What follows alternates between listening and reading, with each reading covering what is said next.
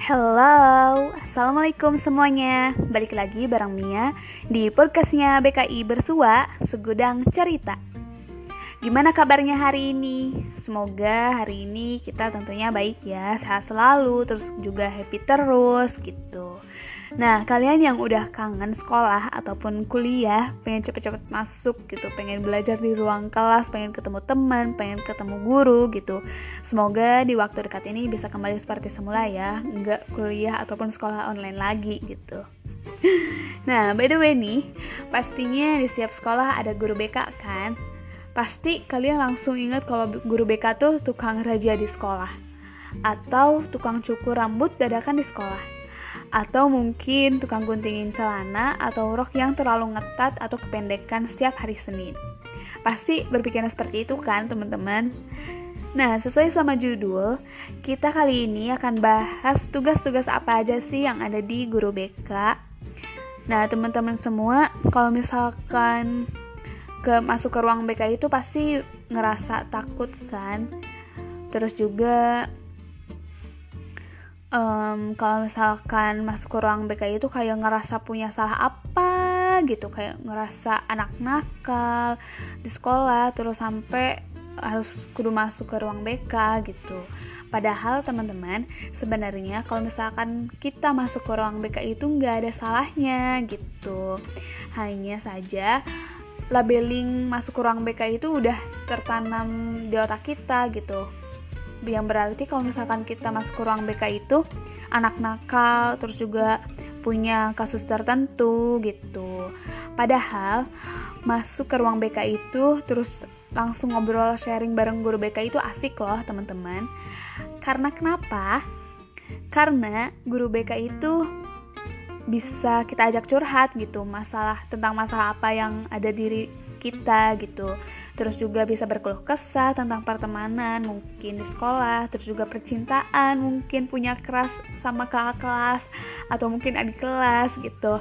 Atau mungkin sharing tentang dunia perkuliahan itu seperti apa gitu. Dan bagaimana kita harus mempersiapkan setelah lulus SMA gitu misalnya. Terus Nah, guru BK sebagai polisi di sekolah ini sebenarnya itu kurang tepat gitu teman-teman. Karena ya guru BK itu punya tugas untuk membimbing anak siswanya ke jalan yang benar gitu.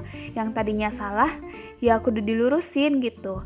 Masa kalau ada anak nakal yang kurang menaati aturan masa nggak ditegur gitu kan? Atau nggak dikasih sanksi gitu Ya kan jadinya kurang tepat gitu. Kalau misalkan dibiarin. Nah, Terus guru BK di sekolah ini juga bisa dijadiin teman buat kita kan. Bisa sharing pengalaman Terus juga yang pastinya bisa diajak curhat Yang diajak curhat e, tanpa bakal jadi ember bocor gitu. Karena guru BK ini pasti bakal ngejaga kerahasiaannya gitu Bisa terjamin rahasia kita di guru BK Karena ya guru BK sendiri punya asas-asas tertentu yang harus dijalankan selama menjalani profesi sebagai konselor gitu. Contohnya asas kerahasiaan.